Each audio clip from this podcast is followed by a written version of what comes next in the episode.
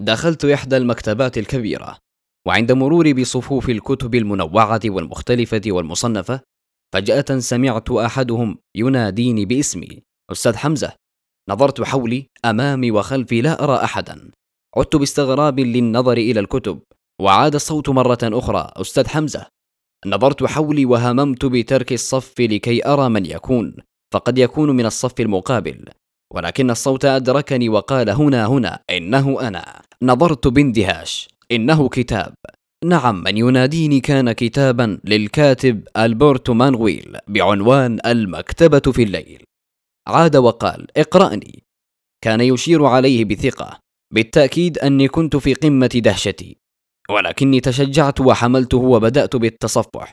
وكنت أقرأ الكتاب ويدور في ذهني صوت ألبرتو مانغويل وكأنه يقرأ كتابه علي. كل ما صمد من مكتبة في أثينا كان نقشا قديما على حجر يقول إن أوقات الدوام من الساعة الأولى وحتى الساعة السادسة وأنه يحضر أخذ الكتب خارج المكتبة.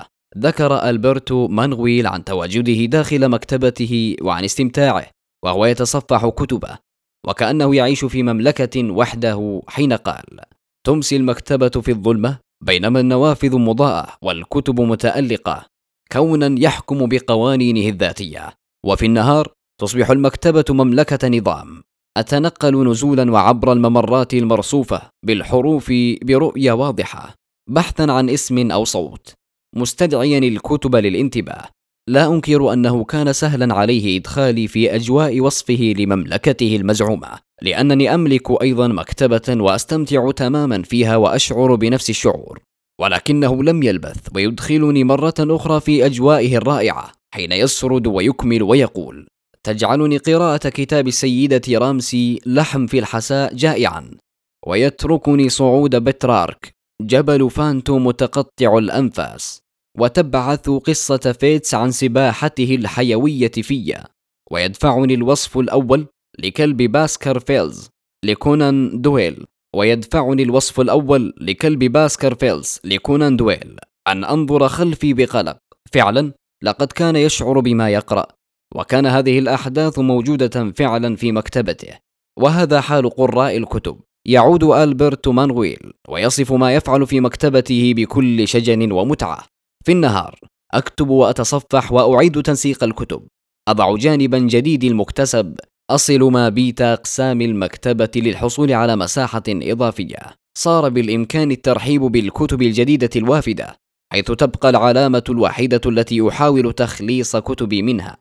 ويحالفني الحظ أحيانا هي لصاقة السعر التي يضيفها باعة الكتب على الأغلفة الخلفية. وهنا يعود ويذكر لنا أن فيرجينيا وولف الباحثة والكاتبة ذات مرة حاولت أن تميز بين الإنسان الذي يهوى التعلم وبين الإنسان الذي يهوى القراءة وخلصت إلى أنه لا رابط من أي نوع بين الاثنين وكتبت الإنسان المتعلم هو الطموح كثير الجلوس رهين العزلة المركزة الذي ينقب في الكتب لكي يطلع ببعض حصيد من الحقيقة التي من أجلها نذر نفسه وإن يغلبه هوى القراءة تتضاءل مرابحته وتتلاشى من بين أنامله. بالمقابل فإن على القارئ اختبار رغبته بالتعلم. بالمقابل فإن على القارئ اختبار رغبته بالتعلم من البداية. فإذا كان التعلم سيلازمه كما يجب وبحصيلة جيدة فما عليه إلا أن يمضي قدما فيه. يقرأ بانضباط لكي يصبح متخصصا أو خبيرا. وهنا تختم فيرجينيا وولف نصيحتها بقول جميل.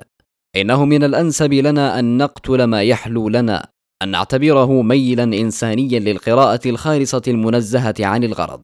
انتقل بي البرتو مانغويل في كتابه لمكتبة بابل والتي ذكرت في الأساطير بأروع الأوصاف. كما ذكرت أيضا في سفر التكوين والذي كان قائما على أساس الاعتقاد بوحدة الكون. ولذا كانت تؤمن بوحدة اللغة. كما سرد الحال الذي بدأت عليه مكتبة الإسكندرية الشهيرة. وكيف كانت مركزا للمعرفة في عهد ملوك البطالمة في نهاية القرن الثالث قبل الميلاد حينها أراد الملك بطليموس في إنشاء مكتبة كونية تجمع كل أنواع المعرفة وأرسل إلى كل ملوك الأرض وحكامها التماسا أن يرسلوا له أي نوع من الكتب لأي نوع من الكتاب. وحينها تم جمع 500 لفيفة من ورق البردي لتكون في مكتبة الإسكندرية. كل الكتب من كل الشعوب في العالم. وكان هذا الفرق بين مكتبة بابل في وحدة لغتها وفي مكتبة الإسكندرية وتنوعها وتميزها وبقائها لقرون وسنوات طويلة. وأخيرا كان هناك نقش فوق الرفوف بمكتبة الإسكندرية يقول إنه مكان شفاء الروح. أغلقت الكتاب ووضعته تحت إبطي بغرض شرائه فقد أعجبني واندمجت معه بكل شجون.